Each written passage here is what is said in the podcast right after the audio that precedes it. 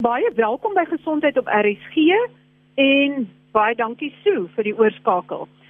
Ja, met die Tour de France kan ons vasgenaal sit voor die televisie om al hierdie mooi plattelandse gebiede van Frankryk te beskou wat ons eintlik so lekker laat heupvoete kry om ook self buitekant toe te gaan. En ons verwonder ons aan die fiksheid van hierdie fietsryers wat eers plat op plat oppervlaktes verskriklike snel renne aanpak om dan net weer dag of twee later met verskriklike uithou vermoë groot bergpasse aanpak. Nou wat is ideale uh, eienskappe van 'n ideale toerwenner om tydrenne te wen maar ook die berge aan te pak? Is die tye die wentye swakker as in die tyd van Lance Armstrong of is dit nie? En indien nie, is verbode middels dan steeds 'n deel van sulke fietstoere. My gas vandag is Dr. Ross Tucker. Hy gaan in Engels gesels want hy's eintlik 'n Engelsman en maar ek wil die beste kundige kry om die regte feite oor te dra eerder as wat ek gaan soek na 'n Afrikaanssprekende persoon wat nie so op hoogte en op datum is met al die jongste gebeure en die jongste oor sportwetenskap nie. Baie welkom Dr. Tucker. Hi Marie, yeah, thanks for uh, indulging this Engelsman. I appreciate it. ja, ons het die rooi nek vandag daar aan die ander kant van die lyn. Uh Dokter Takker, ek gaan my vra in Afrikaans vra as jy nie as jy nie seker is oor wat ek vra nie, as jy welkom om te vra dat ek dit in Engels stel. Maar kom ons spring weg en ons sê wat is die ideale Tour de France atleet sodat hy beide snelrenne kan aanpak, maar ook die koning van die berge kan wees? Well, you have to be a few things. Number one is you have to be small uh, because mass is your enemy when you are cycling for four or five hours a day for three weeks in a row, especially when you go over the mountains. So, what you will see is that the best cyclists overall, the athletes who compete for the yellow jersey, are all very small guys. They weigh in the 50s and the low 60 kilograms, which obviously for men is extremely light then you have to have big lungs, big heart, and a lot of blood. That's obviously important because these guys will be riding for hours at a time uh, at very high cycling intensities or exercise intensities. And so the demand for oxygen, the demand for blood to get to the muscles and then back to the lungs and the heart is exceptionally high. So when we test athletes in laboratories, elite cyclists are among the fittest and in terms of the cardiovascular system, the most well adapted in the world. And then finally, there's obviously a tremendous amount of muscle strength that's required, but it's a it's an interesting strength because you you can't be bulky again because mass is your enemy, and so you will see that they are extremely lean, exceptionally low body fat percentages, and they have exceptionally strong quadriceps to drive the pedals basically. So it's that combination. Uh, obviously, metabolically, they are exceptional at burning fat for energy, uh, turning fat and carbohydrates into energy for those muscles.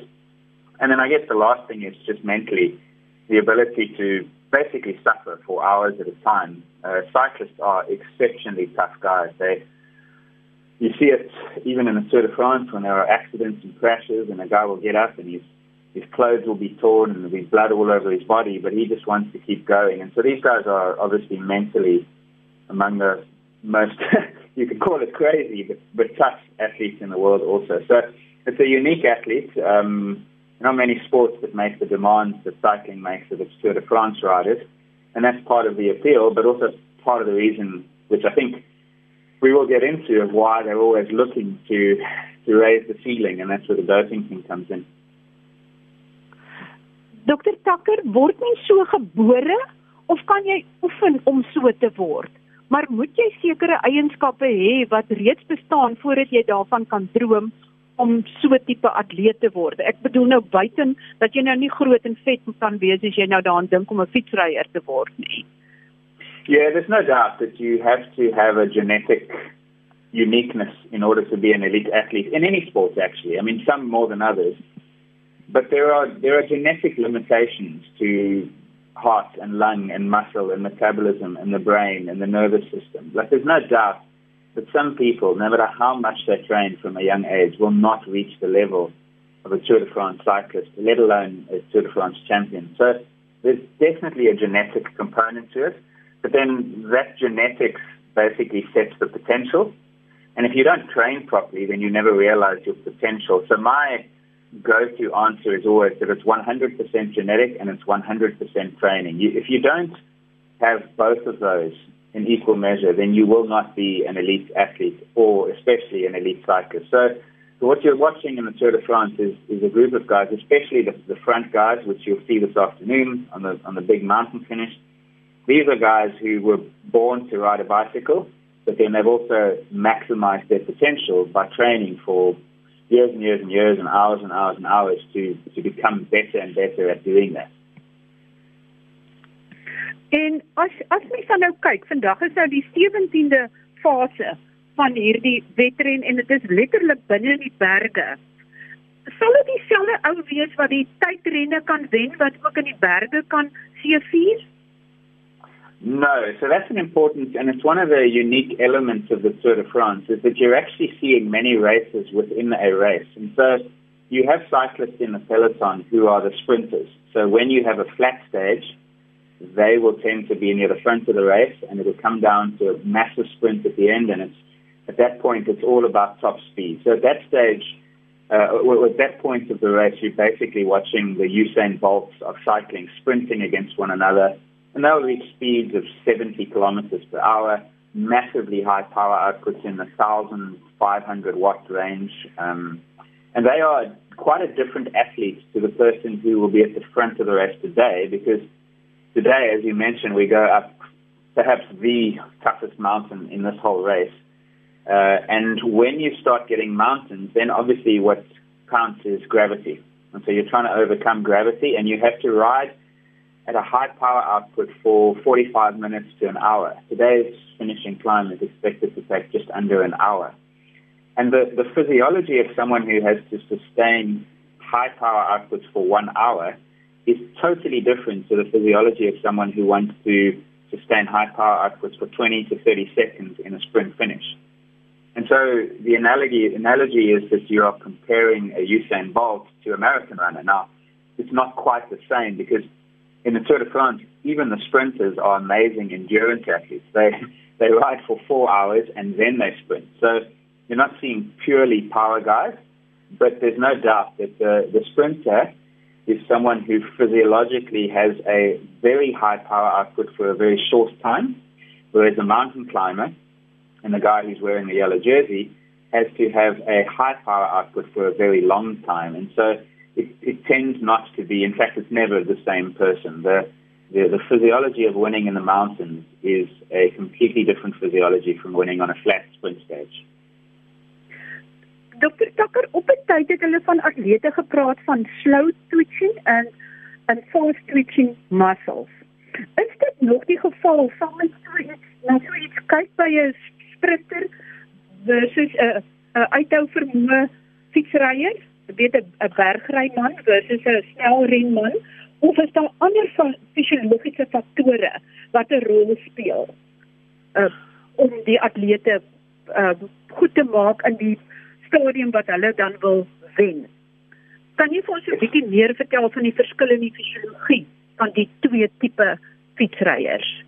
Sure, so the, the, the, muscle fiber type is one of the most well-known differences between sprinters and endurance athletes. So again, if we if we leave cycling for a second and we think about running, your Usain Bolt, Justin Gatlin, Noah Lyles, even Wayde Niekerk, our guy who runs 200, 400, they will have to have a very high percentage of what are called these fast twitch or type 2 muscle fibers. These are muscle fibers that are basically built for speed and power and they can contract very quickly and they can generate very high forces. And so a sprinter is a fast twitch human being.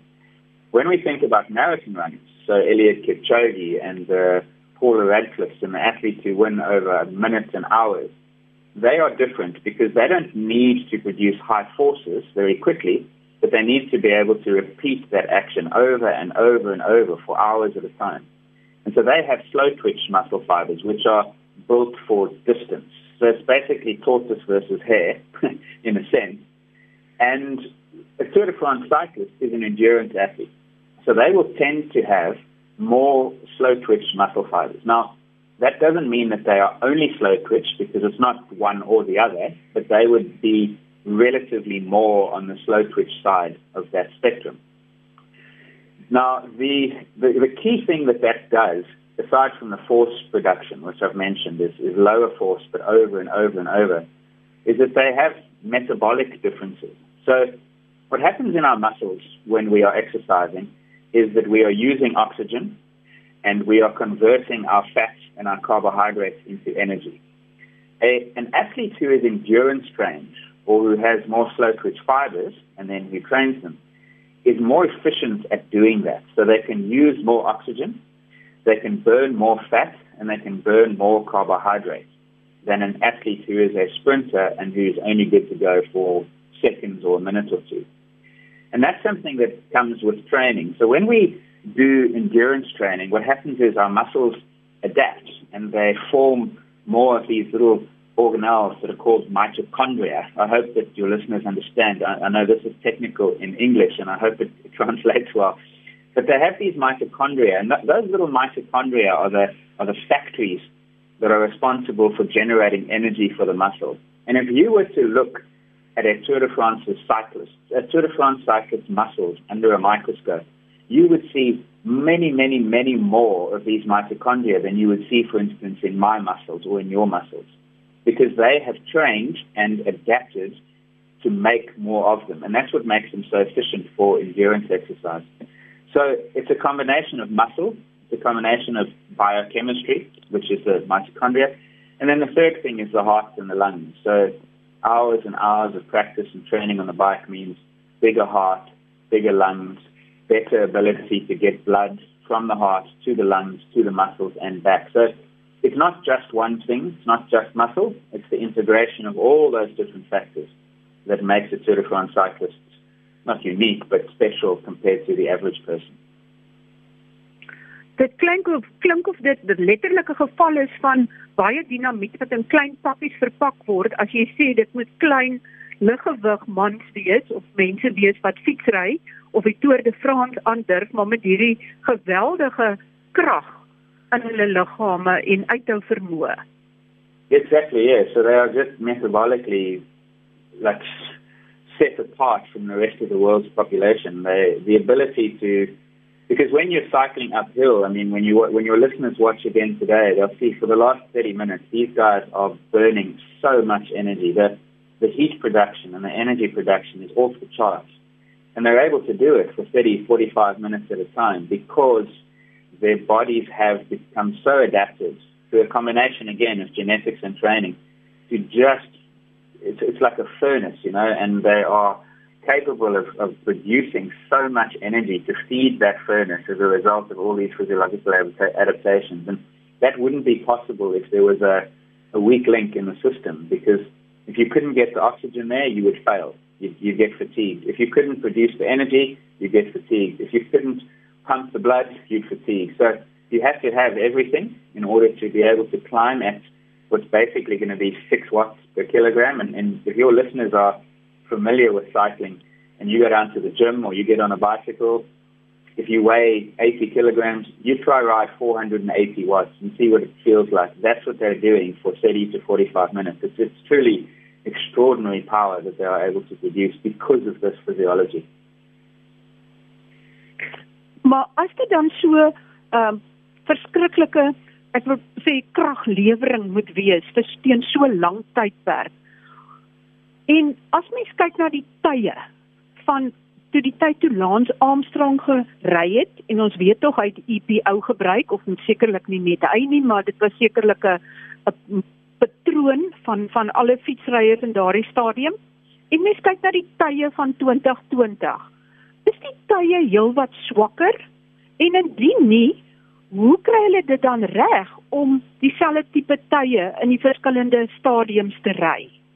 Well, that's a million dollar question. So the, the answer is that the times are not slower. In fact, they're quite a bit faster.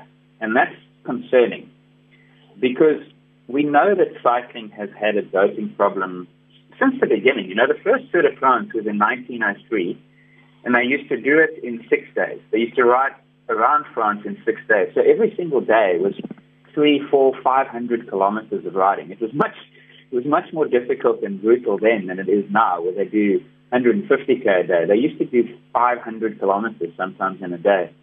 And even in those very first tours, the guys used to try and find some sort of advantage. So they used to they used to drink wine as a doping agent because it dulled the pain. They used to inject and take substances like strychnine. In the 1950s and 60s, 60s, it became amphetamine, which is a stimulant.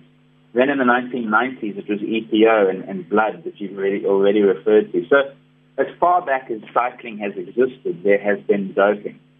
And the implication of it is that if performances are enhanced by doping, then how is it possible that they are riding as fast, if, if not faster, today than they were in the past when they were doping, if they're not still doping? Now, there are some reasons that it might be. So, for instance, technology improves over time.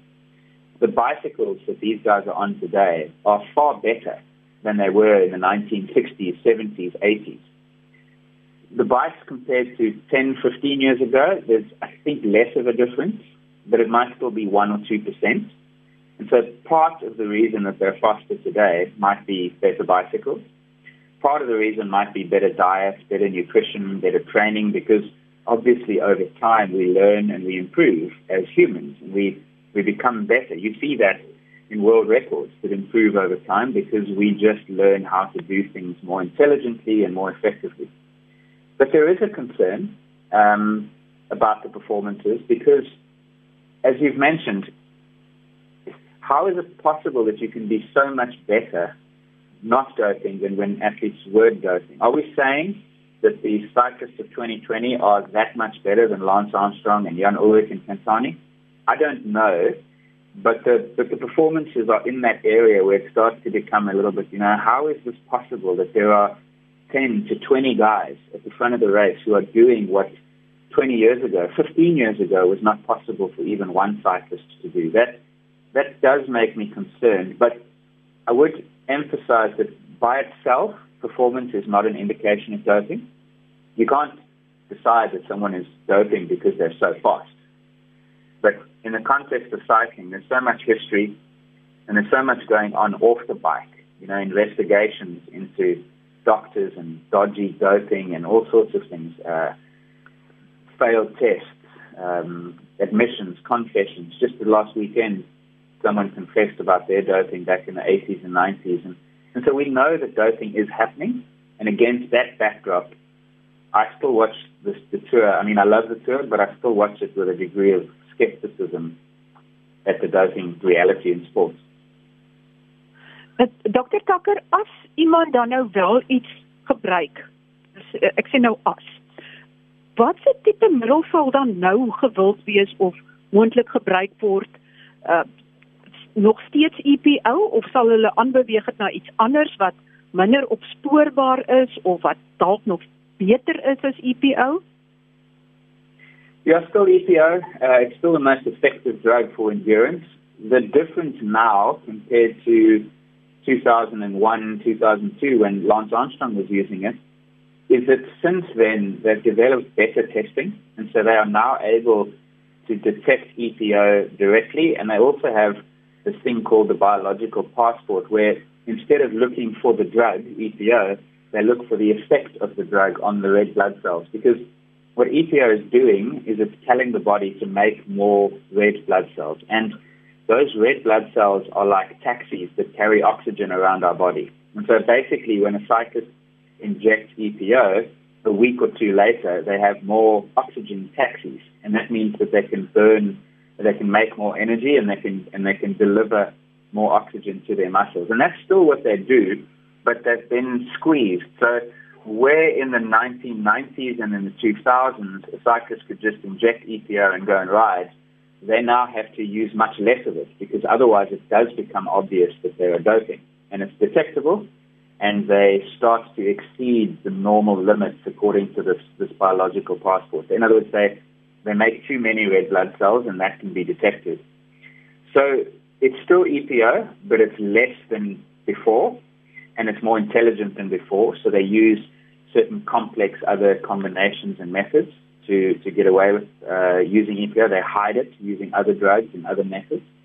And then the other thing that is still, this has been a problem for 20, 30 years, and it still is, is they use anti-inflammatories. And the most famous or, or well-known of those is cortisone. And so cyclists will use cortisone because it takes away inflammation. It also causes weight loss. And so they don't necessarily need it during the race, although they do that also, but they'll use it during training camps. And so they'll go off into the mountains a month before the Tour de France and they will be using cortisone and other medicines and drugs, which allows them to train harder and to burn fat and to lose weight so that by the time they get to the race, they're better prepared than they would have been without it. So I think we're in a, in a different era of doping. In the 1990s and 2000s, it was almost unregulated EPO and blood doping. And now I think we've gone to micro EPO, smaller uses of EPO, but they've, they've figured out ways to use medical products like cortisone, like asthma drugs, in order to dope under the radar and not be detected. En wat van dat as hulle hulle eie bloed skenk voor dit en dan uh, wanneer hulle dit nodig is weer in hulle self laat terugtap om juis om daai meer rooi bloedselle te kry wat die suurstof kan dra, sal dit ook opgespoor word en is dit ook onwettig? It's not allowed. That's called blood doping, and that was a method that was developed many years ago, and it was it was allegedly used by all the distance runners in the 1970s. And what they were doing was, as you said, they would take the blood out when they didn't need it, and then the day before or a few days before competition, they'd put that blood back in because you get the same benefits. All of a sudden, you've got more blood, more oxygen, more more taxis to carry that oxygen around. Now, that method is impossible to detect directly, but you can, using this biological passport, pick it up. Because again, if, if you've tested a cyclist and his red blood cells go up by 20% in one day, that's not possible unless he's used blood doping methods. And so in the 1970s, there was no problem. They used to do it, no worries, no restriction at all. By the 2000s, when the passport was developed, it was very similar to EPO. They could do it, but they had to be very careful, and they could only do less of it than before. So when I said earlier that they use EPO and blood doping, it's, it's complicated, but there's, if you combine those two methods together, then you can hide them from one another. So you can, you can, you can use intelligent doping in small amounts to get that same benefit. So I'm sure that that still does happen, but I think we're also now in a more sophisticated time where and, and there's actually an investigation going on right now into a big doping uh, scandal that happened in Germany in 2019, where a bunch of athletes, including cyclists, are alleged to have used a new drug that has never been known to exist. And it's, it's very similar to, it's, it's basically artificial hemoglobin. And there's a court case right now where the German doctor who allegedly gave these athletes this drug is testifying. And that's the kind of thing that's happening now is that they're using cortisone, small amounts of EPO, small amounts of blood doping, asthma drugs, plus new medicines that no one has ever heard of in order to dope more intelligently than before. Oi oi oi. Is daar iets wat ons lands uit Lance Armstrong se aanslag geleer het? Buite nou die EPO wat positief was. Ehm um, ek verneem dat sy aanslag om vinniger kadensas, hoër kadensas te hê in wanneer hulle die berge aanpak, daarin baie gehelp het ook om prestasie te verbeter. Is dit korrek?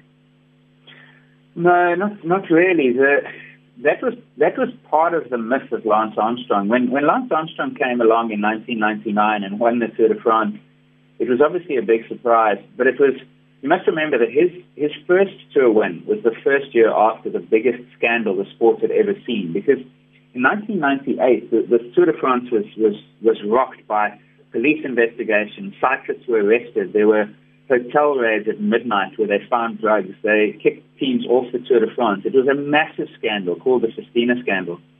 And then in 1999, this American comes along and, and wins the tour. And there were a lot of people who looked at that and said, but this is not possible. How, how did this happen? You know, it was that same disbelief that this guy could come out of nowhere and win the Tour de France, which has happened again since a few times.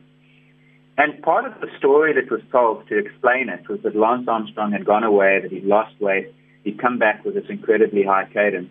But those things were all known before Lance Armstrong, and that could not explain the the benefits and the, the miraculous transformation in Lance. And obviously, in hindsight, we've now learned what the true secret was. But things like the cadence, things like the weight loss, things like nutrition and bike tech, they were all offered as explanations for Lance Armstrong. And it's funny because the same things are being offered now. And it's because people are looking for ways to explain it because they don't want to explain it with doping. But in my opinion, that was that was never a factor. And, and cyclists already know what the optimal cadence is, and they've used it that way for, for decades, and they'll continue to. It, it was not a reason for the breakthrough, in my opinion. Dr. Takker, ons die tyd is besig om ons in te haal, net een enkele sinnetjie en dit is is die Tour de France 'n individuele sport of 'n spansport en een enkele sin vir 'n boodskap 'n uh, 'n take home message vir ons luisteraars oor die sportwetenskap van die Tour de France. Yeah, so cycling is definitely in the Tour de France it's a team sport because the if you watch enough of the tour you will see that the guy who is the best cyclist in the yellow jersey is always surrounded by teammates and they're doing a lot of work for him that you might not appreciate. They are on the flat stage, they are sheltering him from the wind so that he can spend less energy, and that makes a massive difference. If you if you're riding on the front of the race compared to behind four or five guys, you are saving 50% of your energy. So they help him enormously on the flat. And then on the mountain climbs, your listeners can, can watch this afternoon, you will see that there's a team of guys wearing yellow and they are leading the race up the climb. They are setting a pace that he can follow that pace controls the race so no one else can attack and try and get away from the yellow jersey because they, they set such a hard intensity that it's very difficult to attack. So they do a lot of work to help him. But having said that, when the road starts going uphill and you get to the mountains, then gravity finds out who's the best individual. So eventually the tour is won by the strongest individual. So it's another question where the, where the answer is it's absolutely it's a team sport but the best individual cyclist is winning the race. If the best individual does not have a strong team, then he might lose the race, but the team doesn't win the race for the guy. So it's a, it's a nuanced and tricky answer, but hopefully people understand that the, the team is absolutely crucial and it makes it a team sport. But ultimately, when the attacks start coming, and, and you'll see that today, if you've got the best team but you don't have a great individual, you're not winning either. So it has to be 100% of one and 100% of the other. And then I guess my take home message is that cycling is, for me, simultaneously the most beautiful and complex sport there is. You mentioned in your introduction that you can watch the Tour de France just to look at the beautiful scenery and the villages and the chateau and the churches and the mountains and the rivers and the lakes. But meanwhile, there's so much science going on. There's, there's data that you won't believe coming out of the race. It's a beautiful, beautiful, bu- brutal, elegant, and complex sport. And it's got an ugly side, there's no doubt. We've spoken about the doping and how it's affected the Tour de France. And, and again, I, I watch the sport with, with a healthy degree of cynicism and, and skepticism. But fundamentally, it is one of the most amazing sports in which the athletes are unique because they are physiologically gifted and they are unbelievably tough. And I hope people will be able to separate out the good from the bad and enjoy the cycling for what it actually is. Baie baie dankie Dr Tucker. Die tyd het ons heeltemal ingehaal. Skakel gerus weer volgende week in by Gesondheid op RSG. En as jy enige navrae het, stuur dit aan my by gesond@rsg.co.za. Groete van my, Marie Hudson.